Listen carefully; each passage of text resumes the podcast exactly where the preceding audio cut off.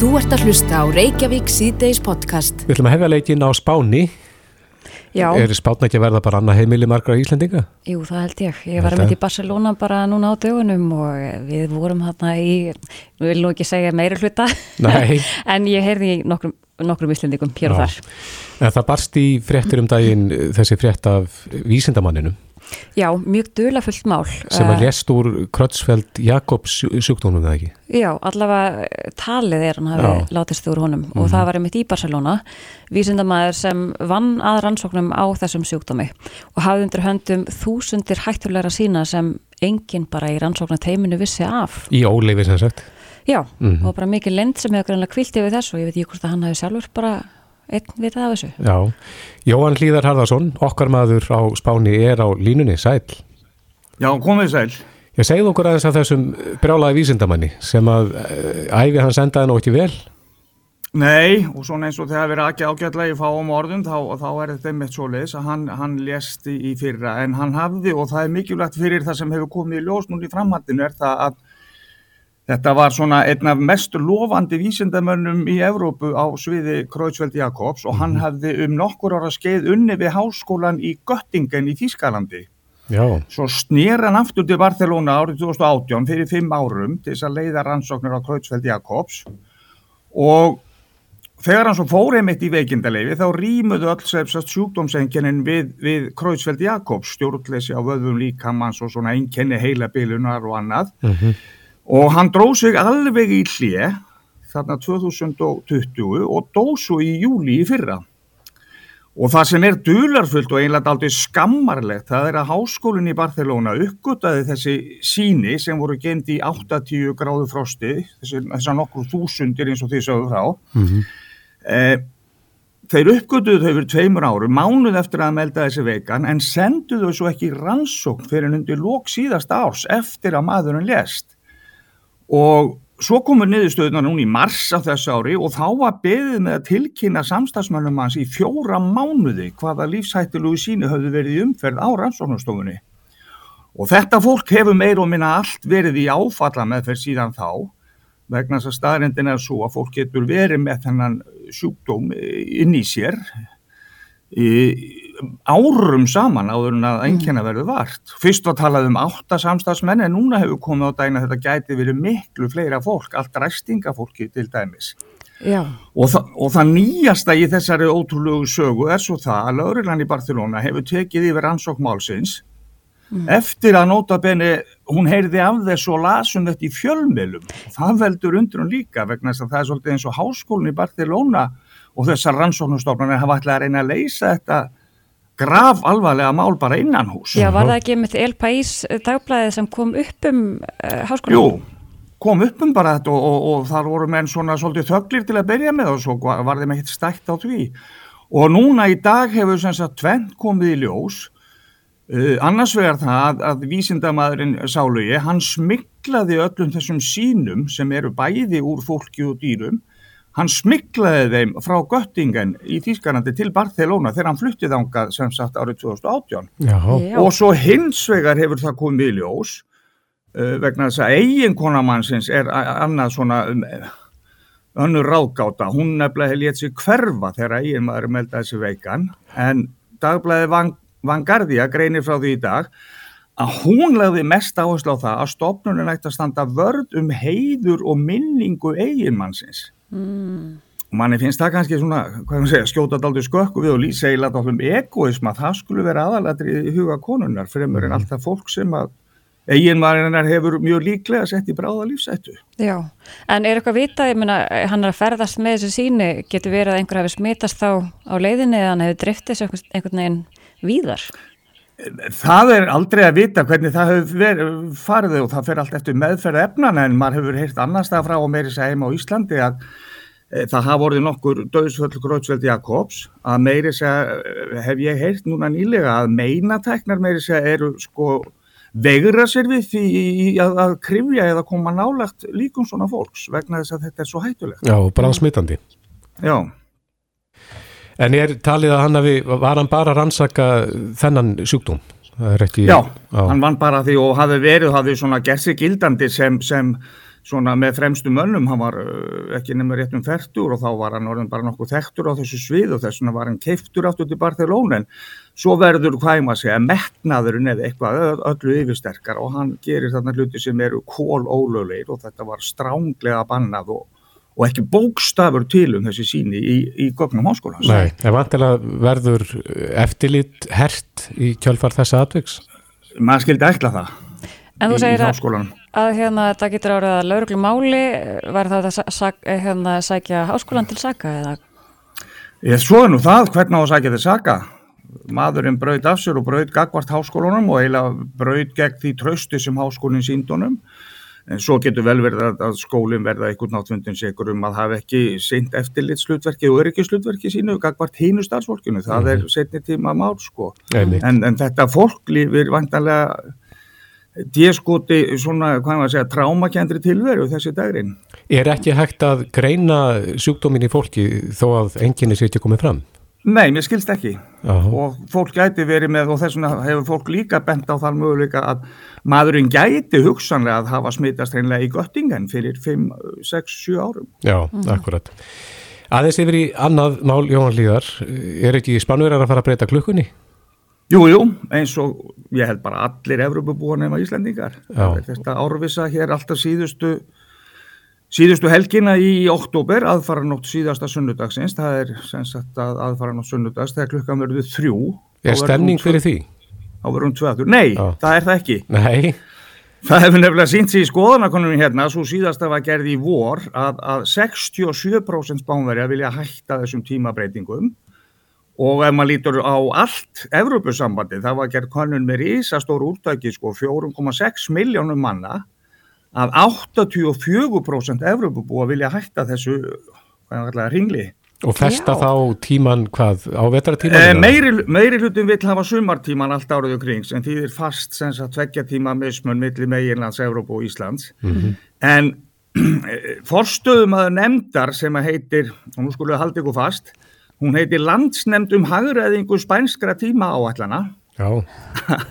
Hann hefur bent á að það sé ekki hold heilsu skólabarna til dæmis að þau mæti í skólan í myrkri og fara að sofi björtu. Hann telur að spátn eigi að vera í sama tímabelti og Breitland og Portugal sem sagt e, þá vera bara klukkustund á eftir Íslandi að, að, að spátn sé klukkutíma of snemma á ferðinni. Það er bara sama umræðu hér heim á Íslandi það er það í rauninni sko. uh -huh. -hmm. en svo má nefna það eru komin fimm ár síðan að Evrópussambandi setti í gang ferli sem að, að, að afnema þessar tímabreitingar og nú er þetta í nefndum hér og þar um álfuna. Og það bólar ekkert á ákvörðunum um hvernig þetta verður gert en það eina sem er örugt, segir El País er að það verður ekki gert á næstu þremur árum.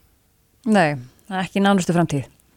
Nei, ekki einu sinni mannjana eins og mann eru gerðin á að segja. Nei, En Jóhann, svo vakti hvenna verkvallið aðtekli víða um heim, vakti það eitthvað aðtekli á spáni? Já, það var svona aðeins í fjölmjölum hér, þetta hvenna verkvall á Íslandi, mm -hmm. en svo hefur nú komið í fréttum sko, það má segja morðað þannig að það er víðar potturbrotin í málefnum hvenna en á Íslandi. Hér var greint frá í gær, frá átakanlegu dæmi ræstingakonu á hóteli í Barcelona, þessu konan hún hóf störfi ársbyrjun mm -hmm. og var það dögleg að hún fekk strax meira að gera og herri laun. Svo var það nólétt en eftir sex mánuði þá komi ljós að það var eitthvað að og uh, barnið dó inn í henni. Æ, og hún þurfti að fæða það andvana.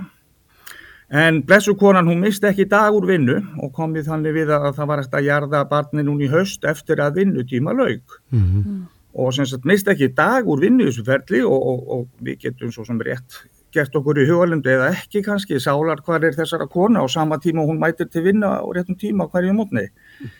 En nokkurum dugum eftir að konan jarðaði barnið sitt þá sagði hóteliðan uppstörfum með þeim rökum að hún hefði slegið í slöku í vinnunni að undanförnu. Já. Mm og, og komi, ég sá hann í sjónvarpinu í gerð grátand að segja frá þessu, hún vildi náttúrulega ekki komið mynd en, en það var lögmaður sem hefur tekið þessi málið og, og hann hefur sett fram fyrir hann konar skadabót og kröfað upp að 60.000 evra sem ég held að vola margir haldi með henni Já, og hvernig er svona umræðin á spáni bara varðandi þetta mál? Er, er þetta eitthvað sem er einstaklega dæmi en eitthvað sambarlegt að gerast víðar?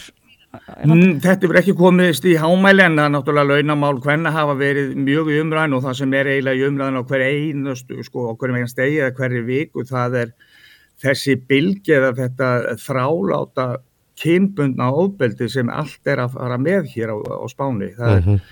e, það eru eitt til tvö morði í viku þar sem maki eða fyrirverandi maki myrðir sambíliskonið eigingonu sína og það sem er kannski alvarlegast og við höfum nú kannski talað um einhvern tíman áður er það að það verðist ekkit verið að draga úr þessu hjá yngri körlum.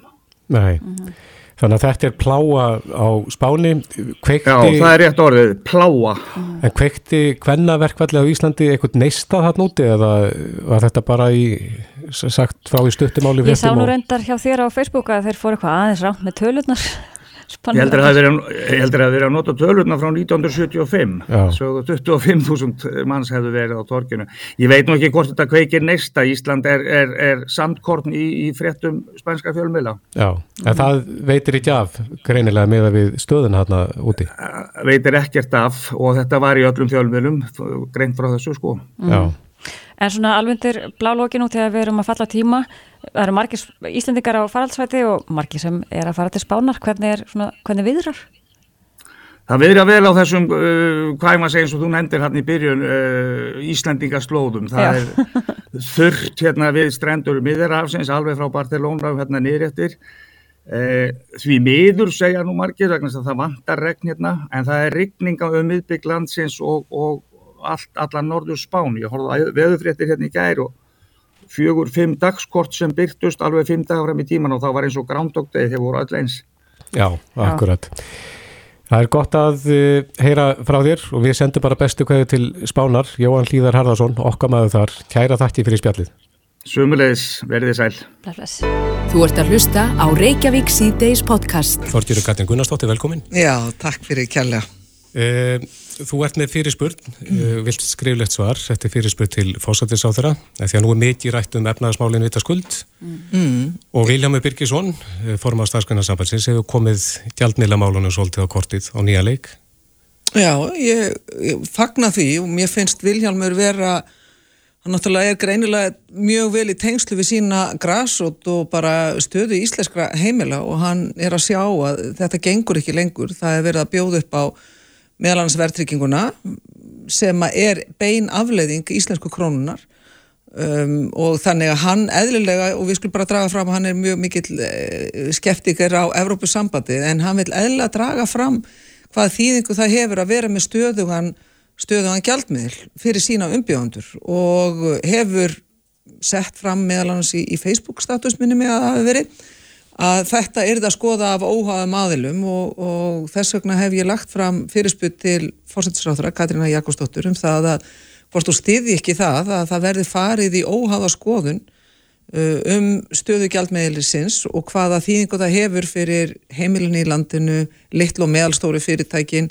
að fá hér uh, upplugan gjaldmeðil uh, og ég, ég sé það að, að hérna samtöku aðrunlýsins og samtöku innæðari sem að voru eins og svolítið svona framvarðasveit í, í öflugru umræðu um gjaldmiðlinn að því að þetta er stórt og mikið samkeppnishæfni spursmál fyrir, fyrir Íslands aðrunlið að vera með öflugan gjaldmiðl að þau hafa ekki og draga ekki lengur vagnin, heldur er nú verkalis fóristan komin þangað með bæði Vilhjálm og ég heyri að það er ákveðni tóna hjá Ragnari Þór og uh, svo heyrði ég viðtalum daginn við fórsetta ASI sem segir að það er en stefna ASI að það er að klára aðeldavirur og ég er bara einfallega þar að, að við eigum að treysta íslensku þjóðinu fyrir þessu hófara skinnsama skrefi að, að klára aðeldavirur og ef hún segir já að þá fær fólk loksins að sjá það svart og hvítu hvað þetta allt hefur í förmis, er ekki bara gjaldmiðlin, hann er engin ein og sér töfralösna á, á öllu en hann er stór, risastór breyta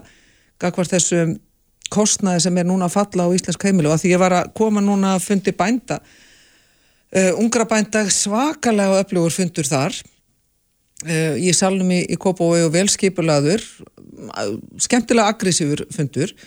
En þar voru auðvitað, þar var verið að draga fram ekki síst þennan þunga bakka sem fjármáskostnaðar er á, á íslenskum bændum. Og ég teku undir þeirra, þeirra áhyggjur. Um leiði ég segi við í viðrist við erum einn flokka um það að benda á langtímálusnina.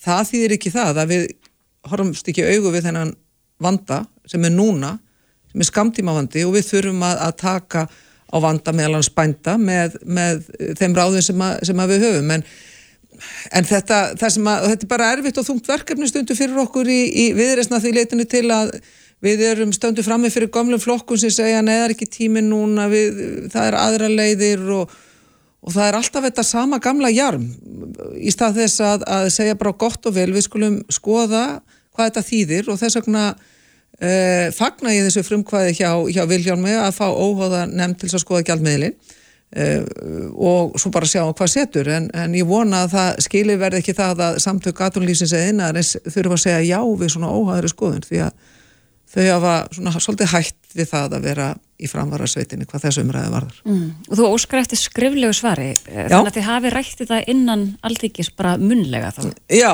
ég eh, rætti þetta við hann á spurðana og eins og kemur yðurlega fram í 90% tilvika þegar við í stjórnarhansstuði erum að spyrja eh, ráðara beintum ákveðinu mál að þá kemur engin, kom engin einhlýtsvör, það er, það er aldrei hægt að segja já eða nei, það er eins og Veist, það er það meðal annað sem að gaggrunum ríkisjóðuna fyrir að, að þessa kirstuðu sem hún stendur fyrir að, að það er eins og hún hræðist ákvarðanur í stórum málum, ymmit, gjaldmiðlamálum, við erum að tala um orkumál, við erum að tala um lofslagsmál, við erum að tala um alls konar mál, samgöngusáttmál og fleira, það er eins og þið get ekki tekið ákvarðanu um hverskal stefna og segja bara já við ætlum að fara á krafti inn í orkuskiptin og þá þurfum við að ná í meiru orku eða bara segja nei nei er líka svar en ekki halda þjóðinni í þessu limbói, í þessari kistöðu sem að við erum í dag uh, af því að, að um, ríkisvöldnaflokkarnir er eitthvað að reyna að leita og finna erindi sitt mm -hmm. og þetta snertir ekki síst einmitt kjaldmiðlin og krónun og þennan mikla kostnað, samfélagslega kostnað sem líst af henni. En Þorgjur, talandum kjaldmiðlin og þessa mm. útækt, hvernig mm. væri treystandi til þess að gera óháða útækt á kjaldmiðlamálunum? Já, ég... sem, að, sem allir gætu þá treyst niðurstöðunni ég, ég held að það sé alveg ljóst að það er því að nást uh, fari í þærpolítiska vinnu til þess að ákveða það hverju það er því en ég myndi treysta? Ekki hér innanlands, nei Nei, en, það, en, en erlendis? Já, það er öruglega, ég myndi treysta einhverjum að, til að mynda frá OECD frá frá, uh, frá Evróska Sæðlabankanu frá McKinsey og fleiri sem að þekka ágætla Íslands samfélag líka. Eh, þeir eru þarna einstaklingar úti sem að geta alveg sagt okkur svart og hvitu hvað þetta, hvað þetta þýðir. Og við skulum hafa því í huga að, að núna í dag erum við með 110 miljardar vakstakjöld. Ríkisjóður er búin að einheimta skatta. Við erum með eina mestu skattheimtuna í heimi, við erum að pari við Norðurlandi svona nokkuð, nokkuð veginn en við borgum lang mesta hlutan af ríkistekjum af öllum þessum viðmiðunarlöndum okkar í, í vakstakjöld. Það er út af því að við erum með íslensku króna. Það er fjórði stærstu útgjaldaliðir, 110 miljardar mm -hmm. og við megum ekki ræða krónuna. Þetta er peningu sem að við í viðrist nefnum að segja, eigum við ekki að einhver tíma, þannig eftir fimm ár getum við uh, farið að, að nota þetta fjármagn meðal annars í uppbyggingu heilbríðiskerfunu, meðal annars í það að byggja upp hér almenna samgöngu, byggja upp innviði. Uh, það er þetta sem við höfum verið að, að benda á að þeir ekki alltaf missa skamtíma lausni því að allir hinn í flokkarnir hafa farið í svona skamtíma lausnir, quick fix, uh, boom bang lausnir og, og jú, jú, reyna að tala með djúbri röttu og, og miklum þunga en þetta er allt sem ég er búin að heyra aður. Við viljum upplegra heilbreyðiskerfi, það er allir flokkar sammála um það. Við viljum betri samgöngur, við viljum að því út af þessum landbúnaðafundi við viljum öfluga landbúna, við viljum, við viljum stiðja við hann áfram. Bændur hafa ekki verið hrifnið að því að fara í Európa-samati? Nei, nei, en það, það er svona aðeins að breytast umræðan og þess vegna vil ég bara klára það að við viljum betri nýtingu fjármuna, betri rekstur ríkisjós. Hluta því er að vera hér með almeðinlega gjaldmiðl. Mm -hmm. Nei, bændur hafa verið skeftiskir gagvart Európa-sambandinu, enda má segja líka að þeir flokkar sem að hafa byggt upp þetta landbúnaðkerfi sem við núna erum með og það er umhugsunarefni fyrir landbúnaðin að meðan öðrum atvinnugreinu gengur alveg þokkala hér á Íslandi, ok, það er þensla meðal annars í ferðarþjónustunni en, en henni gengur ekki illa, henni gengur vel, sjáur að við gengur vel, hugbúna fyrirtækinn gengur vel, en landbúnaðinum Uh, gengur ekki vel og en það er... En er ekki sótt fyrir ekki það landbúnaðinum meðal hans með innflutningi á, á erlendum uh, vörum, landbúnaði vörum? Ég myndi segja að það er náttúrulega miklu tollar hér, það er, það er ekkit óverlegt að, að hérna, taka það inn í myndina en tollar hafa verið mjög lengi. Það sem við erum hins vegar að benda á er að landbúnaðikerfi sem slíkt, annars vegar, mm -hmm. er orðið úrseggengið og hins vegar er við með þennan mikla fjármakskostnað sem er þarna undir og viðreysni við sagt alveg ekki spurning, við viljum halda áfram að steyða við íslenska landbúnaðarframleyslu, við viljum jafnvel bæti í, en það hljóta allir að sjá það að þetta kerfi sem að nú er haldið uppi meðal annars af gömleflokkonum sem vil ekki leiða okkur um að kjósa með ESB að það er einhverju hagsmunni sem hanga þar á spýtinni að þetta kerfi er orðið úðvöld og ég, mér fannst frábært líka svo í bunis út um mér mm. áðan var, á þessum fundi var meðal annars kom ágætlega fram hvað Til að þetta Evrópusambandið hefur í förmið sér fyrir íslenska bændur sem að búa fyrir norðan, og því við erum öll hér fyrir norðan 60. breytagráði, að þá eh, myndi það styrkja íslenskan landbúnaði frekar heldur en veikjan að, að fara þarna inn mm -hmm. og við sjáum það líka Evrópusambandið, Erna Bjarnadóttir eh, sem hefur lengi starfað innan, innan landbúnaði gerans, hvort það segja mjölkusamsölinu núna hún er að draga fram sko, stórfælt framlegu Európusambassins til, til landbúnaðar og það, við erum til í það svo lengi sem að við byggjum hér upp burðugt kerfi sem er ekki bara í því að mata millilegina, heldur fari í það að styrkja bændur beint, unga bændur, nýliðun og neytur. Ágruningurinn varandi Európa-sambandi snýstum, snýstum uh, já, ég myndi segja sjáurútvegin og já. þess vegna ég vil ekki láta, eins og ég hef kallaða þú veist, Boris Johnsona og Brexit sinna þessa lands eh, segja okkur hvað við fáum út úr svona samning. Ég er ekki bara betra að þjóðin fá að taka ákvörðunum næstu skref og ef hún segir já, mm -hmm. þá sjáum við svart og hvítu hvernig það mun hafi för með sér uh, hvaða afleikar eða hvaða áhrif það hefur fyrir Íslands samfélag og ef hann er vondur samningur þá er ég fyrst manna til að, að segja nei við hann en ég vil bara fá að sjá hann og ég vil að þú og bændur og allir hér í samfélaginu mm -hmm. fái að sjá þennan samning. Rétt eins í lokin endum þetta á gjaldmiðlunum, að því við hófum umræðunum gjaldmiðlin. Mm.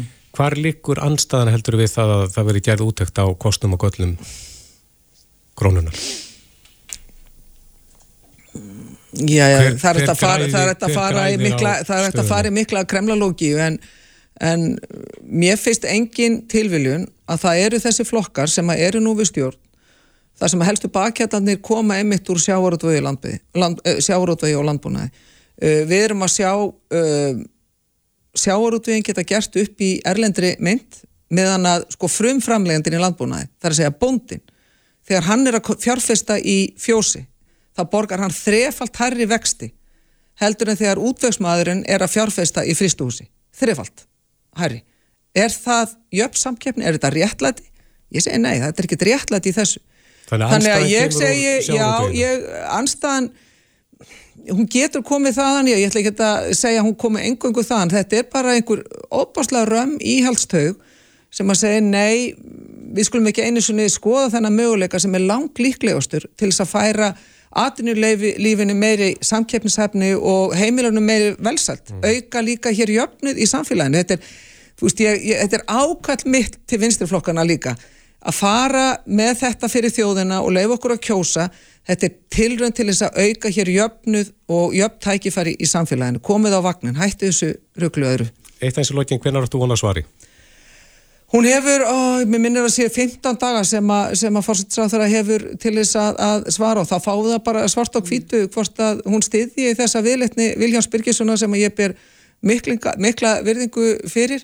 Uh, hann heldur okkur öllum, hefur haldið mér og öllum öðrum við, við efnið varðandi það hvernig uh, launþegar og uh, verkefliðsefingin hefur þetta í, í landinu og, og, og þetta er einn tilum til þess að bæta hennar kjöru allavega að sjá á spilin. Byrjum á því allavega Já, sjá á spilin eh, innan um það byrjum tveggja vekna Þorgiru Katrín Gunnarsdóttir, takk kjærlega fyrir komuna. Takk fyrir mig kjærlega Þetta er Reykjavík C-Days podcast Við töluðum hér áðan um jólabókaflóðið mm -hmm. sem er svona aðeins vera glitt í Já En eh, það er mikið um pakkasendingar í kringum jólinn. Já, og líka bara pakkasendingar eru orðnar fleiri en uh, fyrir ár. Mm -hmm. Það er ekkert bara jólapakkasendingar. Það er fólk hvað að panta svo mikið á netinu. En lengi vel var pósturinn með svona einokun á þessu markaði að uh, taka móti og senda pakka og skila. Mm -hmm. En fleiri fyrirtæki hafa nú blandað sér á þann markað og eitt af þeim fyrirtæki sem hafa verið að stækka hver haðast er Drop. Já, og framkvæmdastöru Drop, Rólfur Andri Tómasson er komin yngar til okkar, verður velkomin. Takk fyrir. Svona, til að byrja með, hvað eru þið gammalt fyrirtæki? Við byrjum 2019, þannig að við erum að fara núna inn í fjörðu jólun okkar. Mm -hmm. En þetta var ekki sko lágurgarður, lágurgarður sem að þið réðust á að, að fara að berjast í postin, þetta gamla fyrirtæki. Hvað höfðu það að leiðaljósi? Við litum svo sem aldrei að það þannig að við vorum að fara að berjast í postin. Við Nei. bara lögum á stað með það að reyna að veita betri þjónustu heldur en hafið áður verið í bóðiðina. Mm -hmm. Og netveslin á Íslandi var mjög lítill 2019 samanborið við önnurlönd og eina af ástæðunum sem við töldum vera voru afhendingarnar. Það var svolítið þannig að þú pantaðir fegst það bara einhver staðar einhver tíman. Þá bara fyrir eitthvað náttúrulega kera út í búð heldur en að fá þannig þjónustu þannig að við lögum bara upp með að þetta kem alltaf á réttum stað og réttum tíma, ekkit gífilega flókin hugmynd sko. mm -hmm. Og að þessum fjórum árum telur þá bara að markaðurinn sé núna orðin hraðari hjá flestum fyrirtækjum Meinar þau í afhendingatíma? Já, þegar maður verður náttúrulega að keppast við að þá sem eru líka markaði og... Að sjálfsögðu þegar að kemur samkymnin á markaðin og gerir eitthvað á hérna hafa hinn ekkert valum annað en að reyna að fylgja eftir. Þannig að þetta er orðið allt miklu hraðara. Og eigni hjá vestlunum sjálfum veist, þó að við séum innan við sólaringa afhenda ef að vestlunum var viku að taka til sendinguna þá náttúrulega hjálpar það ekki mjög mikið. Mm. og við fundum mikið fyrir þessu fyrstu tvö árin en núna er þetta orðið miklu miklu betra. Flesta búðir erum farnar að átta sig á því að skipti máli að gera þetta bara hratt og veru glæða mm. En markar sluteld ykkar, hver er hún? Við vitum það ekki. Hérna, náttúrulega Íslandspostur er eftir við og þau erum stæst á þessum pakkasendingamarkaði. Þau byrta aldrei uh, sinn fjölda eða hvað er senda mikið að sendingum. Þannig að við hefum ekki sér ástæði til þess að byrta það á heldur. Þannig að við rennum blind í sjóum með það sko en við hefum náttúrulega einhverja tilfinningu fyrir því. Mm -hmm. Hver, hvert er markmið ykkar þar að segja varandi hraða? Sko markmið er að þetta er ekki svona instant, þetta er ekki pizzasending. Við erum ekki komin inn að hálftíma eða klukkutíma. Mm -hmm. en sem dæmi ef þú pantar hjá hérna, vestlunum á höfuborgarsvæðinu fyrir 11 á mótnana þá eru oft tilbúin 5 sama daginn og þú getur sótt að bara leginni heim og vinnu. Langt flest er að sækja þá millir 5 og 7 mm. og að þú getur þá treystið að þetta sé svona. Þannig að stendur þetta tilbúin 5 þú hefur þá notað þetta ofta áður og veist að þetta virkar alltaf og er alltaf tilbúið kl. 5 þannig að það er aða lofar eða við stöndum við það sem við segjum og þetta er mjög rætt, þetta er kannski þetta er hálfur sólaringur á höfuborgarsvæðinu uh, alltaf í næsti virk í dagur út á landi þannig að þetta er mjög rætt en ekki samstundis mm. En nú fyrir að fara jólinan algast og uh, pakka setjum fyrir þá vantarlega fjölgandi Já. Er eitthvað sem fólk þarf að hafa í huga núna? Bara Eh, ég veit það ekki, ekkert sérstatt sko, bara verður nóg að gera í okkur við náttúrulega fyrir allt árið það að undirbúa nógumber og desember nógumber sem dæmi er tvöfald stærri heldur en oktober mm. eða styrunni tvöfald stærri en allir aðri mánuðir og Hvernig bregðist þið við því? Við þurfum bara tvöfald að starfsmannufjölda og bílafjölda mm -hmm. og svo fækkar aftur í januar Eru þið með notið tæknina? Er þetta að fylgjast með hver pakkin er stattur? Já, það er kannski leikilin aði af hverju þetta gengur vel á okkur, þetta byggir alltaf tækni. Mm -hmm. og veist, við veitum alltaf um pakkan, búðinu veit alltaf um pakkan og viðskiptavinnurinn getur alltaf séð hvar pakkin er stættir þannig að við erum aldrei vandrað með að vita hvar sendingin er. Nei, en það er líka færst í vöxt að þessi fyrirtæki sem að sjá um pakkaþjónustu er að taka í nótgunn svo kvöldi postbox. Eru þið ekki, ekki þar? Nei, við erum aðalega aðfunda yfir borðið Þannig að við erum með fjöldan allan af samstagsæðlum sem dæmi N1, Ólís, Orkuna, Krambúð, Kjörbúð. Þá lapparu að starfsmanni og hann í rauninni afgreði yfir borðið með aðstofntækninar. Hann er með lítinn skanna í höndurum sem hjálpar hannum. En þetta er aðferðin sem við hefum notað. Það er núna komið með 90 svona afvíkastæði mm -hmm. og við hefum ekki farið í svona sjálfvirk bóks á ýmsum ástæðum. En Stendur það ekki til?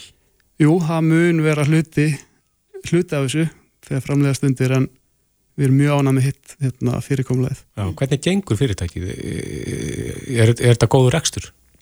Sko, svona rekstur byggir á skala og við þurfum að ná ákveðni starðar hafkamni til þess að þetta verði góður ekstur. Er, er svo hafkamni komin? Hún er að dætt í hús. Já. Það er núna komið fjögur ár og við erum bara á mörkunum.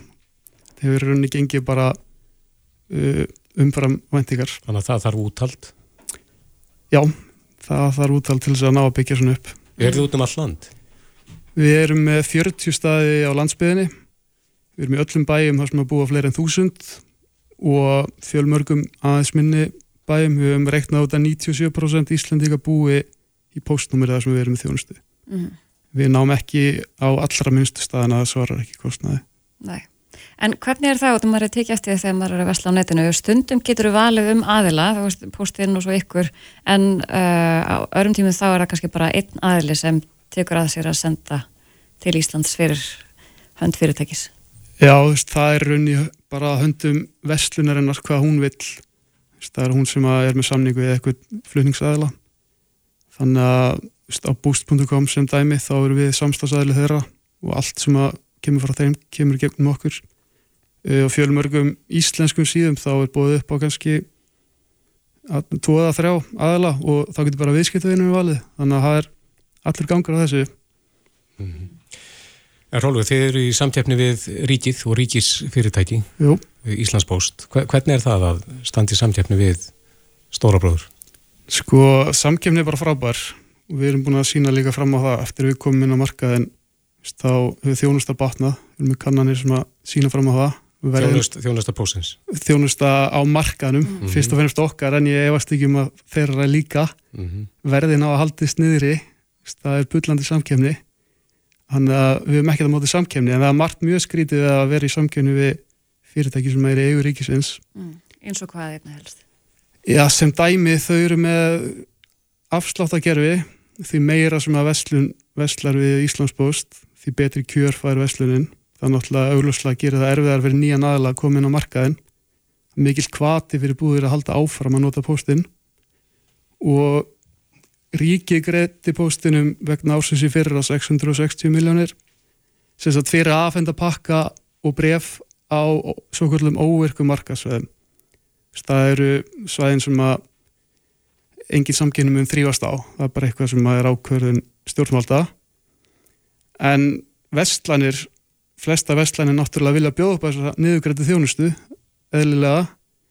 En það er ekki að fengi betri kjör á þessari þjónustu með að senda einni pakka á höfuborgsveðinu Akureyri sveðum sem er mikil samkjöfni ríkjandi. Mm -hmm. þannig að það eru ímið svona atriði sem okkur finnst ekki alveg rétt gefið. Við erum bara til í samkjöfni keppa á gæðum og verðum og þjónustu en það frekar daburlegt þegar það er svona atriði sem að skekja leikin Já, mm -hmm. ósamtjöfni samtjöfni heyrist mér þú verið að segja Mér finnst það, já mm -hmm. En ætlaði að gera, gera eitthvað eða vekja aðtekla á þessu enn frekar? Sko við hefum bara nógu í fangi með að byggja upp fyrirtæki og reyna að veita góð þjónustu, tímið okkar fyrir það, en við hefum vakið aðtekla á þessu meðal þingmanna, samkynnseftilitsins, fleiri stofnana. En, Hvaða svör fáið þið? Það er alltaf ekkert búið að gera stend þá. Nei. Mm. En ég held að þetta sé svona klassíst, það mun allir þegar nóga koma inn á fjarskiptamarkaðin þau þurft að berjast aðeins við það sem var fyrir mm -hmm. símin og ég held að veist, þau mál sem kláruðist tóku þrjú eða fjögur ár þannig að það er, ekki, það er hérna ekkert auðvöld að býða eftir einhverjum niðurstöðum maður bara halda áfram Já, þetta er harður slagur á pakkamarkanu Hann er það, bara mjög harður og það er kannski annar mál. Pósturinn var náttúrulega að brefa sendinga fyrirtæki hérna, mm. nú er þau bara í byllandi samkymni á nýjum markaði sem er pakkamarkaðir af hverju?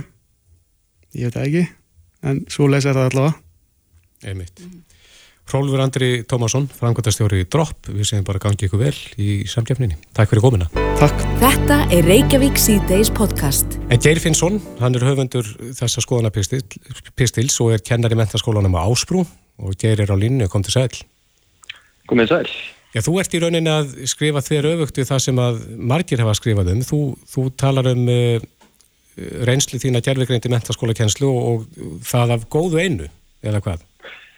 Já, góðu einu, þetta er svona, það má frekar líta á það sko, þetta er, gerðvigreindin er alltaf bara óhjákvæmileg og hún er bara komin, komin til að vera og, mm -hmm. og og eins og með svona allar tæknibildingar þá, þá fylgja þeim kostur og gallar og, og náttúrulega eins og þú nefnir sjálfur það er auðvelt að nota þetta til að svindla til dæmis, það er hérna, þú getur opnað chat-GPT og, og beðið það um að, að bara skrifa fyrir því príðiskóri, gerða ennsku og allt þetta en, mm en, mhm. hérna, en það er náttúrulega, þú veist, það, það er að segja okkur frekar en það er alltaf eitthvað sem að ég svona fatta sjálfur sem ennskukennar er að þú veist, ég get annars, annars Eh, ég get annarkort reynd að finna leið til að banna þetta og svona fá nefn til að íta þeim frá þessu eða bara hugsa ok, í staðins að fara í einhvern hérna lokobóvaleg við nefnendur þá hérna eftir miklu frekar að sjá bara hver eru kostinu, hvernig getum við nýtt okkur þetta þannig að við hérna græðum á svona þau líka læri að nota þetta mm. þetta verður alveg á nefa partur af þeirra framtíð og við þurfum að fara í, hérna fara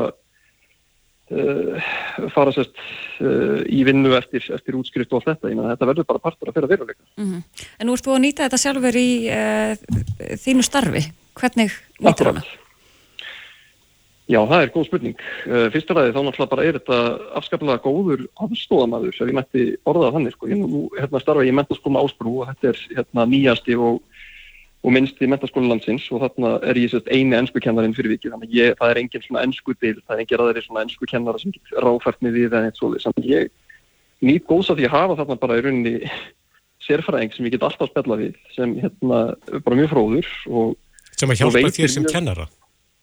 Algjörlega, ég menna þú veist eins og þú veist bara upp á þú veist þegar maður býr til verkefni þá hérna skrifum maður leiðbynningur og fleira og þá náttúrulega getur hún yfirfæri leiðbynningur og hugsaði, þú veist, ok, þetta er flott en þú getur gert þetta enn betur svona mm og svo framvegis og hún getur líka, hún getur mynda að ramma þetta um allt og, og ég hvet nefndur sem er leiðist til þess að nýta sér þetta líka einmitt, ekki, veist, til þess að gera verkefni frá grunni, heldur frekar að fá aðstóð Já, það hljóma svona eins og góðu samstagsfélagi. Þetta er náttúrulega það, sko, þetta er svona eins og, veist, þetta er náttúrulega svona eins og ChatGPT virkar, þetta er svona eins og tala bara við einhvern messenger sem er alltaf til í að tala við þig, svaraði strax og kemur með mér rosalega góð innihaldsrík svör þar sem maður lærir að, að hérna, spjalla rétt við þetta sko. mm -hmm. En er erfitt að ef eh, nefnendur er að innan gæslappa svindla með þessu getur þú mm -hmm. eitthvað nefn komist að því? Getur þið spurt sko, samstagsfélagan? Ég get alveg að setja það sko, það er alls ekki hægt gerfi greindin getur ekki greint textana sko, hvort það er að segja hvort þér hafi verið gerður að gerfi greindið ekki og Nei En, en ég get samt alveg sagt sko sem manneskja þá oft er, getur maður eiginlega bara að sé það strax sko, þú hérna sér það kannski að nefandi sem að hérna hefur hingað til skrifað eins og, eins og mennskjælingur allt í nú næstu viku fyrir hann að skrifa eins og Harvard-professor þá hérna þá var kannski ekki til marg sem að sér alveg rosalega góði kennari sko. En, hérna, en, en sko eins og nefni, ég menna ég skráði mig ekki í kennaranám til þess að fara ykkur lokk og bóvarleiku nefndur þannig að ég veit að þú veist einmitt, við getum alveg farið á vegferð sem kennarar að reyna alltaf að finna leiðir til að svona, uh, sjá hvort það nefndur svo svindla eða ekki og, svona, og sumir hafa nefnt að þetta bara farið bara aftur í, hérna, í pennan og blöðin sko. mhm. -huh. en eitthvað segir mér að það er bara ekki rétt sko. er ekki, það er ekki akkurat svo vegferð sem við fara, við frekar að sjá bara ok, þetta er bara komið til að vera og það er hægt að nota þetta og þá ættum við fyrir, frekar að hugsa bara ok, hvernig getum við endur hugsað verkefnin okkar og bara skólinni heilsinni til þess að taki miða þess -huh. Mhm og þú veist og það er náttúrulega stór spurning og ég sjálfur geta alveg nefnt þetta. Það er mér satt að spyrja bara gerðugriðana sjálfur. Segja bara, hefur hérna bara verkefni sem ég er með vandar að nota. Uh, hvernig mælur með ég uppfæra þetta verkefni þannig mitt að uh, þú veist, það gerir ráð fyrir gerðugrindinni og þá náttúrulega bara koma mjög góðar hugmyndir sem að það er að nýta sér þarna sko. Já, þannig að þú ert farin að nýta þetta til góðs í þínu starfi. Hefur hert um fleiri kennara sem að, sem að gera það Já, ég get allavega nefnt uh, til dæmis í Vestló, það er hérna uh, einsku kennari þar sem heitir Guðnjósk Lagstall, hún er hérna dúli í þessu líka og við erum oft saman með hérna, við hefum verið að svona, sérstum við bæði verið að hérna að svona uh, ræða saman um það og skiptast á hugmyndum og náttúrulega reynslusugum og svona hvernig erum aðeins og við hefum verið með fyrirlestra og vinnustofur fyrir sérst aðra kennara um landallt, mm. sérst í því að svona, þau svona fá að læra af okkar reynslu og eins og hún nefnir að sjálfa þá náttúrulega eru hérna Eh, þá svona er uh, ennsku kennslan, hún er svona kannski fyrsta víið þegar kemur að, að hérna, gerfugreint, þetta er gerfugreint mjög fær í ennsku eins og stendur en, en, en það er alveg tímaspursmál hvernig hún svona fyrir að, að fara að hafa verulega áhrif á allar aðrar uh, kennslugreinar þannig að, þannig að við svona, hérna, fáum svona, bjóðum upp á okkar aðstóði að, svona, að undirbúa sem flesta kennara. Já, svo er þetta vantalega bara rétt byrjunin af því sem að gerðvigreindu getur gert eins og við sjáum þetta í dag. Mm -hmm. Já, algjörlega, ég, mena, ég er ekki eins og byrjar að tala um hérna, veist, myndvinnsluna og allt þetta, ég, hún getur bara þetta, er, það eru nýjir tímar að, að líta dagsins ljós og ég held að það sé bara, þetta er mjög spennandi tímar, þannig að það er svona okveikjandi, ég get alveg viðkjönd það og það er mjög skiljanlegt en, en líka mjög spennandi og það eru náttúrulega bara, maður sér það alveg strax og við leiðum að setja þessu inn í þetta og gefa þessu tíma í að spá í þessu og og sjálfsögur líka, þú veist, passa að hafa nefndur með í þessu hérna, samtali að þá sjáum við fyrir að sjá þeim, þeim betur og það eru margir kostir. Og, og mitt út af því að alltaf kveikur var með umræðum gerðvigreint og, og áhrif hennar á, á skólastarfum daginn sko, þá hérna, held ég að veist, við sjáum það þarna veist, það er alltaf að vera að tala um að það eru eitthvað svona breytingum í skólakerfinu og nýjungum og fleira. Og ég held að sko að þetta tilkoma gerðvigreintar hjálpi okkur og svona mikið í að, að hérna að breyta skólastarfinu akkurat þannig að það þjóni hagsmunum 2001. aldar nefnda. Mm -hmm.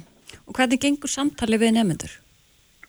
Bara afskaplega vel. Við erum náttúrulega bara, það, það kannski segir sér sjálft að, að nefndur náttúrulega bara þau, e, þau kunnar alltaf vel að meta það. Þú veist, ef maður, hérna, sínir, ef maður sínir þeim þá virðingu, þess að lámas virðingu að, hérna, að svona, þú veist, fá þau með í þetta samtali. Þannig að náttúrulega já, kennslan er fyrst og fremst fyrir, fyrir nefndur og mm. nefndur eru okkar skjólstaðingar þannig að það má ekki gleymast og þá var það skaplega mikilvægt að þau séu með og þau kunna meta það, vera við þessu samtali og þú veist, maður bara gott að spyrja það einfaldra spurninga um þetta viðfáðsefni og þau náttúrulega koma sjálf bara með góður hugmyndir og, og vilja vola mikið vera með í því að útfæra til dæmis eins og bara hérna, nýja reglur og, og viðmið og, og ég vil bara ný verkefni sko. mm -hmm. þannig að maður heyrði það, já, maður heyrði það geir að, að svona fyrst þegar gerðvirkendir leitt dagsins ljós í þessu formi sem við þekkjum hann í dag og það var svona ótti í skólafólki en finnst þér uh, það verið að breytast svona viðþorfið til þessara tækni?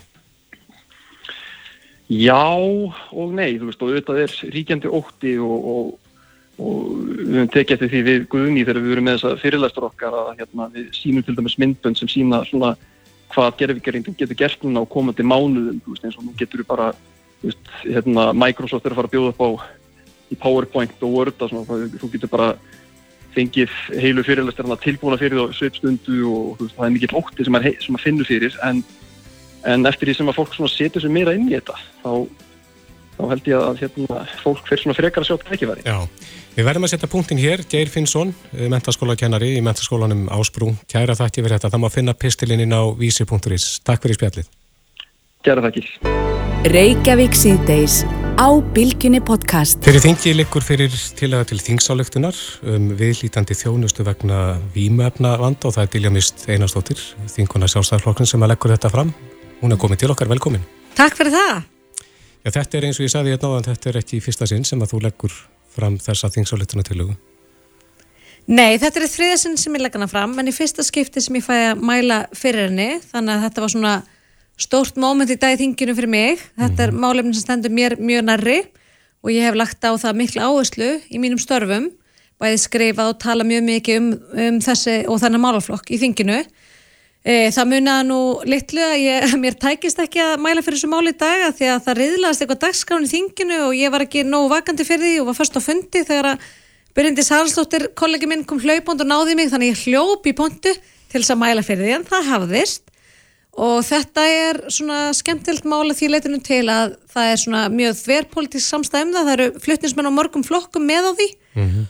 og nokkur þeirra tóku þátt í umræðin dag og það var bara alveg svakalega góða ræðtöðsamtir og umræða sem að spannst í þinginu dag. Út af hvað gengur þessu til að?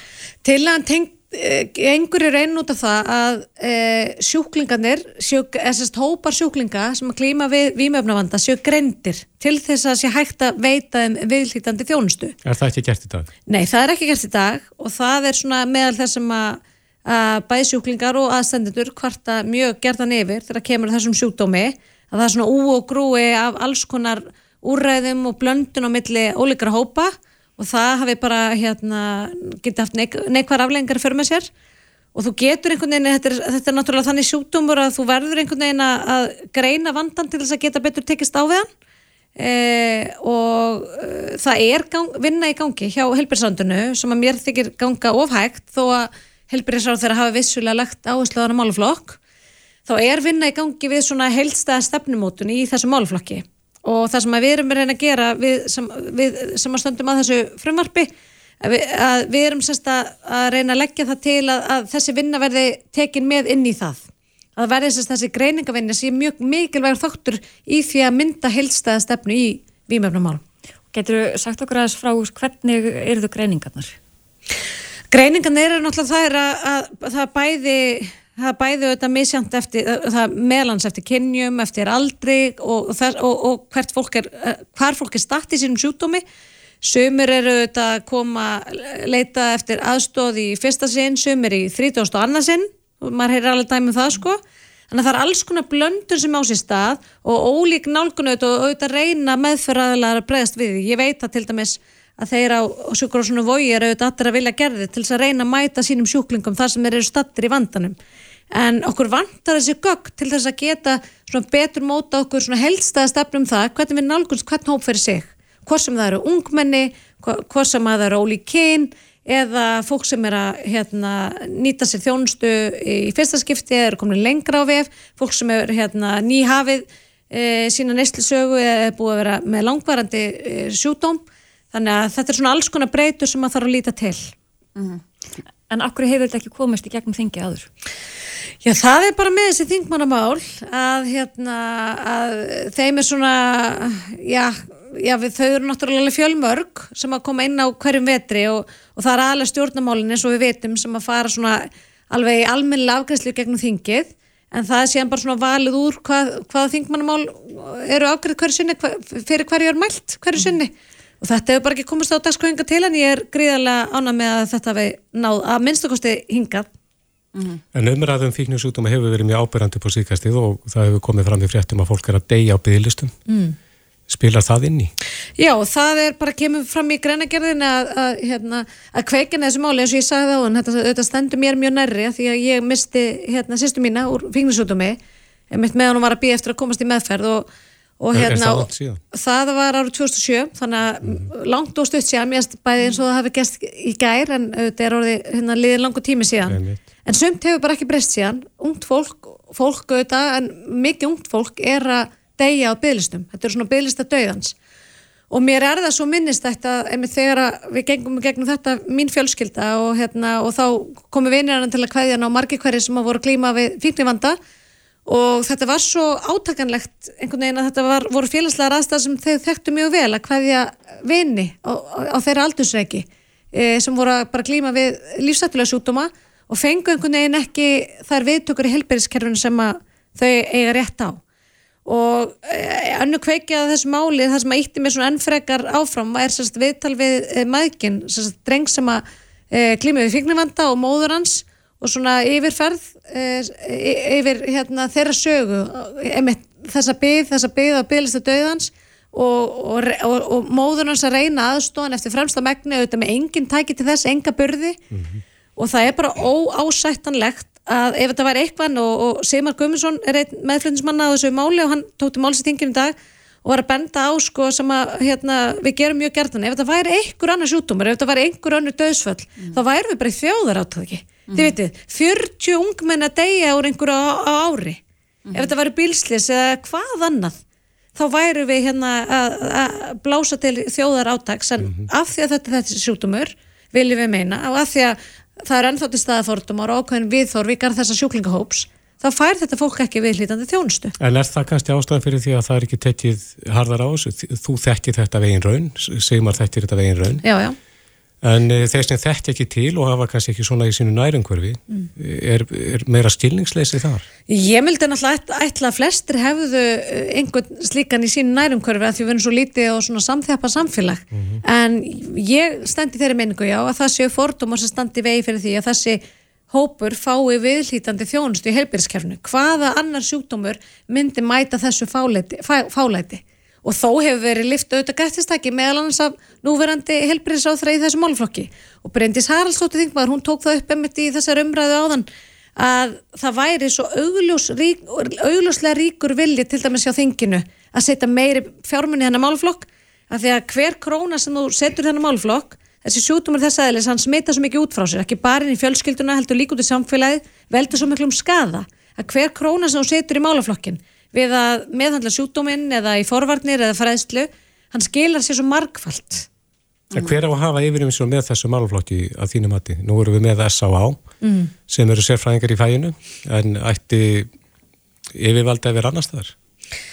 Já, já, hver er eftir að sinna þjónustunni? Já. Mér finnst auðvitað hérna, að, að S.A. hafi staðið sér gríðarlega vel en þetta er auðvitað hérna, engaðili sem að og, og, og miklu leitil er ekki bara fyrir sjálfsöflafið, bara fyrir hérna, almenna fjáröflun og það er auðvitað gott að blessa en við ættum auðvitað að taka, taka ríkari þátt í þessum málaflokki. Þetta er hérna, bara stór hluti af okkar helbriðiskerfi og bráður og lífsættilegur helbriðisvandi. Þannig að þó að engaðilega séu auðvitað að gera sitt þá þurfa þeirra minnst að kosti fjármang til að standa undir því. E, það er ekki bara S.A. það eru auðvitað líka fleiri aðlar eins og Krísuvík og fleiri e, og svo eru auðvitað mikilvægt starfunni líka á landsbytalanum en það bara virðist ekki duga til. Það eru fleiri hundru aðlar á bygglistum hverju sinni eftir þjónustu og við fórum meðalans við það í þessum umræðum á þinginu að þetta er líka þannig sjútumar að það getur bara opnast gluggi fyrir e, það að þykja aðstóð fyrir það að, þykja hjálp við sínum vanda og þessi gluggi er ekki endilega opin mjög lengi. Nei. og þá er svo aðkallandi að sjúklingar hafi aðgang að helbriðsþjónustu einmitt á þeim tíma. En það er bara ofta ekki raunin. Og við sjáum hverja afleggingarnir eru. Við sjáum það bara með því að fletta minningarsíðu morgunblansins því miður Þannig að þið veist þetta ekki vera forga, forgangsmál hjá stjórnvöldum eins og er, en þið vantalega kallið eftir því. Ég auðvitað uh, verða að segja, segja eins og er að stjórnvöld hafa auðvitað verið að vakna til lífsins og veitt bæði meiri fjármunum og tíma og orku í þennan málflokk en bara betur má en dugaskal. Það er það sem ég er að segja.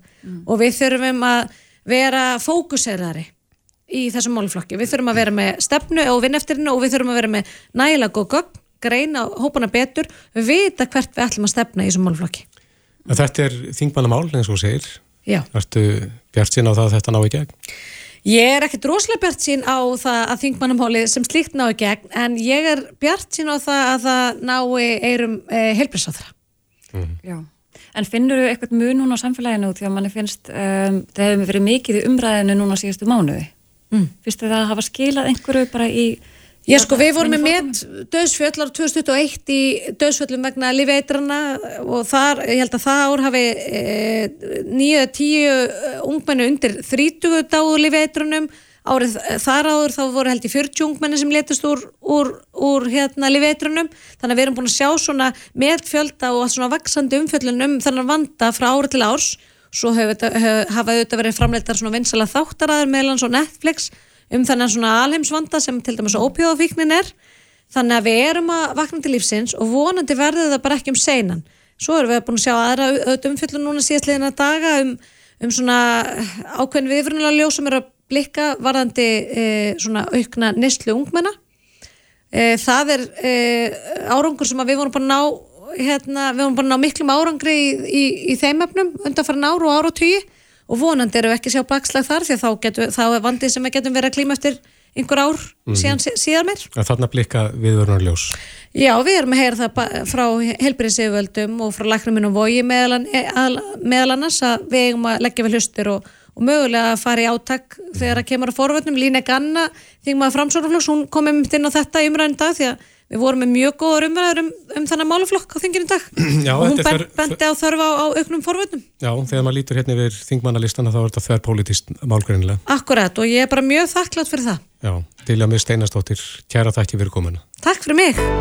Hlustaðu hvena sem er á Reykjavík C-Days podcast. Við sögum frá því, var ekki bara í gær, það verður 60 dagar til jóla. Jú, stýttist og ég veit að uh, léttbylgjan fyrir að spila jólulegu á morgun, Mm -hmm. þannig að þessu vilja byrja geta byrjað.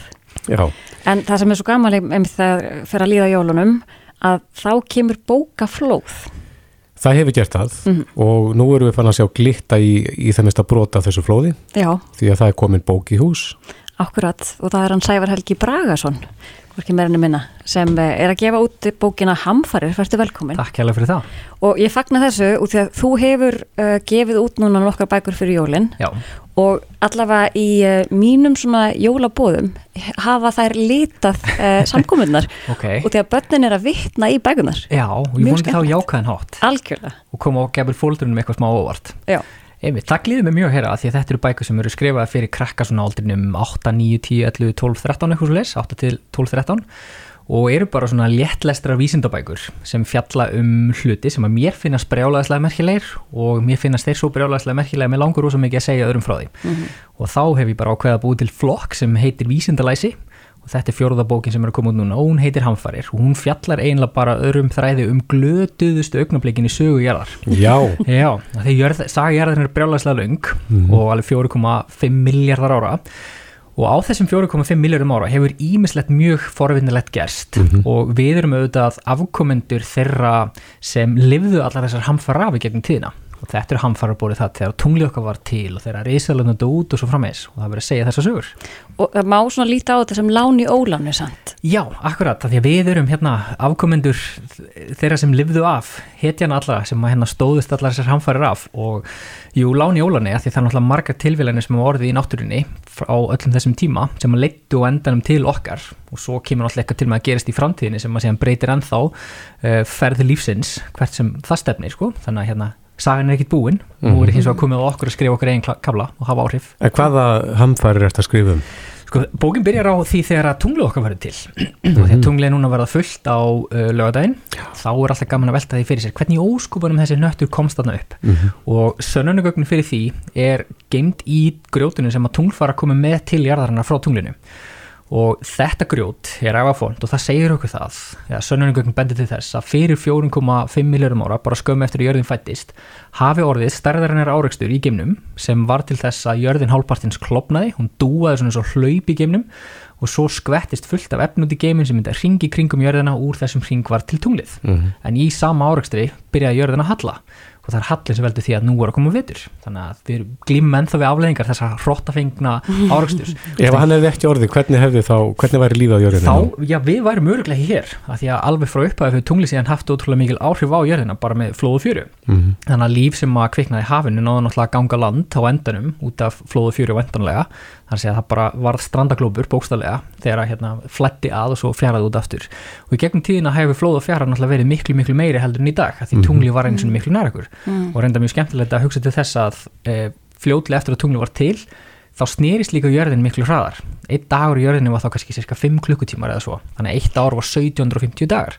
Og þetta er allt saman sönnugögg sem við erum bara með í grjótinu sem við finnum á tunglinu og jörðinu og, og allt grjót segir sögu Þetta lesiði út úr grjóti? Út úr grjóti, já, bara kristallar sem að innihælda tímahelgi og hérna sína merkjum áreikstra og allt saman sko. þannig að með smá jarðfræði þekkingu, með smá efnafræði, smá líffræði er hægt að lesa þetta allt saman út mm -hmm. og svo höldum við áfram alltaf og fjallum um hérna svona eh, rísa áreikstra hreinu sem skall á jörðinni og þá er til dæmis talið að hluti af vatninu sem við drekkum og erum búin til úr hafa komist til jörðarinnar þannig að við erum bóstaflega afurðir hamfara sem hafa döðni yfir jörðinni gegn tíðina Svo segir hérna líka frá mjög skemmtilegum eh, svona stærsta mengunaslýsi innan gesalappa í sögugjörðarinnar. Mm. Það gerist fyrir 2,5 miljardum ára. Það þá voru blábakteríur í hafinu sem gáttu breytt sólorljósi og koldioksiði í súröfni. Þannig að súröfnið er afur þessara lífara sem drápu þá allt líf á jörðinni sem gátt ekki nýtt súröfnið, er hann næstu því allt, en gerði hins vegar lífi eins og okkur kleft að verða til á endanum. Þannig að þetta er hérna annar kapli líka í bókinni og svo náttúrulega rúsin í pissa endanum það er að sjálfsögðu það sem flesti krakkar hafa gamna sem er dagurinn þegar risaðaluna dó út á jörðinni það voru hamfarir í lægi mm -hmm. og nú erum við náttúrulega að reyna að smíða sjónuga og mælitæki til þess að finna allt grjót sem getur mögulega skotlega okkur svo það fær nú öruglega ekki fyrir okkur eins og risaðalunum mm -hmm. Því hvernig vitum við að risaðalunar átt ekki stjórnugíki? Já þær væru þá ennþá hérna, þær hafðu fundið grjótið og, og geta bætt hættinu frá sko Já. En getur við það? Já, við erum að finna upp tekna bara núna í fyrra, í november, uh, september, oktober í fyrra, mm. þá var gerð tilrunni í geimnum sem heitir Dart eða Píla og þá prófuðu jarðabúar að skjóta einmitt pílu í smástyrinni, bara að reysa fjall í geimnum til þess að því hans í, til hliðar mm -hmm. svona, og gá hvort það myndi virka og það virkaði líka rosalega vel þannig að ef við finnum stein sem er nóstór svona eins og stærðarinnar fjall, kannski eins og 10 eða 7 eða 15 eða 7 eða eitthvað sem varum í jörðina sem skotmark þá getur við færa út í geimin og ítunum burt, mm. við myndum ekki vilja sprengja hann svona eins og Bruce Willis gerði í Armageddon mm -hmm. því þá myndum við bara fá grjótið meira af grjótið yfir okkur þannig við viljum frekar reyna að neka steinunum til og mm -hmm. bæja hættunni þannig frá og við erum náttúrulega að reyna að gera það Erum við þá að senda grjótið eitthvað annað? Já, stundum, þá erum við bara að breyta spórbreytinni þannig að það hérna, færist frá jörðinni og uh, það er bara besta leginn til að bæja hættunni frá, það er ítaði eitthvað annað. Já, en getur við ekki verið að valda eitthvað svona butterfly effekt með þessu? Jú sko, það hafa sumir haft áhugir því, mm. en þá uh, eru við náttúrulega með svo marga plánutur og annað í kring sem að valda miklu meiri slíkum áhrifum, þannig að það er svona til skamstíma litið, við erum að tala um ára 10 ár hundrið, þá er miklu betra að neyka þið bara til og bæja hættunni frá þá og svo bara halda áfram að leita öðru grjóti sem getur mögulega að valda okkur einhverjum skada þannig að við ætlum ekki að teljenda ágjörða þessu en það er svo mm. aðrar hamfari sem hafa döðni yfir sögugjörða sem við þurfum kannski að hafa ekki beint áhyggjur af en saga jarðarinnar kennir okkur það þú veist það er svona risa elgusar hrinur og ísaldir að því að meginlöndin hreyfast til og svo framis, hafa sköllið á mm -hmm. og, en svo náttúrulega glímum við núna við öldinu okkar, þar sem við erum að valda við líka breytingum og hafa orðið á mestu hamfari tímum í sögujarðar mm -hmm. en munum við náttúrulega sá núna og þá að við vitum ástæðina, við vitum hvað við þurfum að gera og eins og ég segi náttúrulega bókina, hvort haldið þessi erfið er að stoppa í selgósarhinu eða bara breyta því hvernig við ferðumst og við, hvað við borðum mm. og hvernig. Þannig að þú talar líka um nútíman í bókinu. Já, pínlítið um nútíman, en, en rauðið þráðurinn er saga jarðarannar því að saga jarðarann er bara einhver stórkurslegasta saga sem skrifuð hefur verið og hún er varðveit í grjótinu sem við sjáum út um klukkan hjá. Já, sko. en svona bókum hamfærir, Já. getur þetta ítt undir eitthvað kvíða? Nei, ég held ekki sko, ég vona ekki, að því að þetta ára lærdumsrikt, veist, hva, hvernig vitum þetta hefur átt sér stað mm. og hvað var til þess að lífið þraukaði? Og hérna, þannig ég held þessi nú fyrst og fremst bara skemmtilega sögur við værum ekki hér ef að þessar hamfærir hefði ekki átt sér stað. Við þetta bara breytti gangi lífsins, þróum mm -hmm. lífsins og leiti á endanum til okkar eins og til dæmis þegar risaðlunar eh, dó út fyrir 66 miljónum ára, ég ætla ekki að segja ég endilega, ekki að spilla kaplanum hvað er upplýðið, það var, var umulegt, hvað ég sagt, en þá laug tíma risaðalina og í hönd fór öll spendirina og við erum ennþá upp á þeirri öll. Mm. Erum enna velta fyrir þessi vísendamenn hvernig við þróumst hér eftir? Já, já, já. Hvernig verður þetta ekki eftir, eftir endar, miljón árið það? Já, það er endar, ég slefti því að setja eitt kabla í bókina sem fjallar um endalók sólarinnar af því að það var dæmt að það geti mögulega valdið einhverjum mhm. hvíða en það gerist ekki fyrir nætti 5.000 miljónir ára þannig að við þurfum ekki á neina ára að ágjöra því Ekki strax Ekki strax, en jú, við vitum alveg merkilega marka framtíðin byrju skautið sér því við vitum að flekarhæfingar til dæmis segja eftir að halda áfram og breyta því hvernig loftslæðið okkar verður en það voru að tala um sko mörg hundru þúsund ára, miljónur ára fram í tíman riselgusar hínur eiga eftir eiga sér stað og svona. Ja, hvernig mun ma maðurinn þróast? Já, það er hins vegar góð spurning að því að hérna, eh, við vitum það ekki nákvæmlega að því að þessar breytingar sem verði okkur oft svolítið, svolítið svona handóskendar mm -hmm. og við þar er yfirleitt í tengslum við einhverju umhverjusbreytingar sem eiga sér stað þá eru hérna, veiku lífverðin að reyna að gesa lappa sem degi út og þær sem eru nægilega hérna, góðar til þess að lifa af, þær halda áfram að lifa og, og, og fylga sér en við vitum kannski ekki beint hvert e, maðurinn kemur til maður þróast. Vonandi bara fór út í geiminu og eitthvað þess að þar og leggjum undir okkur aðra plánutur vonandi samt verður ekki eins og hafið sér Wall-E teknum myndinu Wall-E. það sem allir eru einhverju svona solarbekkjum svífandi get ekki mm lappa lengur að því þau eru alltaf drekka bara hérna matin og einhverju, einhverju bóksi og svona. Mm -hmm. ég vona að fara ekki þannig fyrir okkur en svo ef við horfum í kringum okkur þá er mjög margt áhugavert sem áeftir að gera eins og til dæmis Afrika er að skella á Evrópu. Þannig að það sem núna er Ítalja og Spátn og svona mm. þar verður eftir einhverjar 50 miljónur ára stærðarannar fjallgarður svona eins konar Himalaya. Já. þannig að nú er tækifæri til að skella sér til Ítali og njóta hérna Já, veist, njóta alls sem þannig er og meðan hægt er. Þetta mjög svo bara að rata inn í jarðlögin og er þá fyrir jarðfæringa framtíðan er að segja til um hvernig okkar tími var. En Ísland þá? Ísland eh, heldur áfram að stækka en svo kemur á endunum þannig að hérna, Allandsafi opnast meira og við hérna, verðum eiginlega bara svolítið hluti af þessum tveimur meginlöndum sem eru hérna sitt hverju megin við okkur þannig að Ísland verður ekki endalust hérna ofan sjáar Nei. en það eru aftur miljónir ára fram í það mm -hmm. mm -hmm. Það er snæra okkur tíma því að við erum Já. að falla á tíma oh. uh, á lögadaginn er eitthvað viðbörður? Já, á lögadaginn ætlum ég að halda upp á uh, útgáfu þessari bókar í stjórnuverin í Perlunni mm -hmm klukkan 5 og þangað eru bara öll velkomin ekki spurning. Og svo ef vel viðrar á lögutaskvöldi þá eru pínlítill deildarmerk á tungli. Þannig að hverju veit, nefn ef það er gott viður þá kannski mæti þarna með sjónöku og reyna sína fólki eitthvað um kvöldið sem er þá klukkan 8 Já, verður maður að vera með sjónöku, getur þú séð þetta? Nei, þú getur séð þetta með byrjum um, þannig að ég myndi ykkur að hérna, tungli sem bara reysastór kekskaka á himnunum og þá mun deildamerkjum lítið svona út eins og það hefur verið tekinn pínu pínu lítill biti úr síðsta hlutatungsins þegar mest lætur svona kortir yfir 8 á lögutasköldið mm -hmm. en þar við hliðina er séðan Júpiter og Júpiter er búin að skýna rosalega skert og falla á heimlunum núna undarfarið og verður það næstu vikurnar og mánuði. Og svo á mótnana þá sér fólk hérna Venus glæsilega á morgun heimlunum líka. Þannig að það er margt að sjá og allt segir þetta einhverja sögu og það er bara okkar að leifu okkur að lesa hana og, og undrast svolítið í leðinni. Já, og með að við lýsingu þína á tunglunni þannig að þau byrjuðum uh, viðtalið, að þá, ég er búin að dásta því núna síðastu kvöld, það búið að vera ótrúlega fallegt, en nú getur maður líka sagt takk. Já, Við tunglið. Takk við tunglið, við erum hér út af því. Já. Já. Og svo kemur það í vekk fyrir að jörðin dingli bara svona svo bjalla og söfli stressandi líka þannig. Mhm. En það er líka þegar að kenna að við þurfum að fara að skafa bílana á mótana og svona sko. Já, það er leiðilegi parturinn. Þannig að við getum blótað í og dásam það er leið, dásam það á sama tíma. Sævar Helgi Bragarsson, vísindamilari, til að hafa með bókina. Takk hjá fyrir. Og takk fyrir komuna. Takk fyrir mig.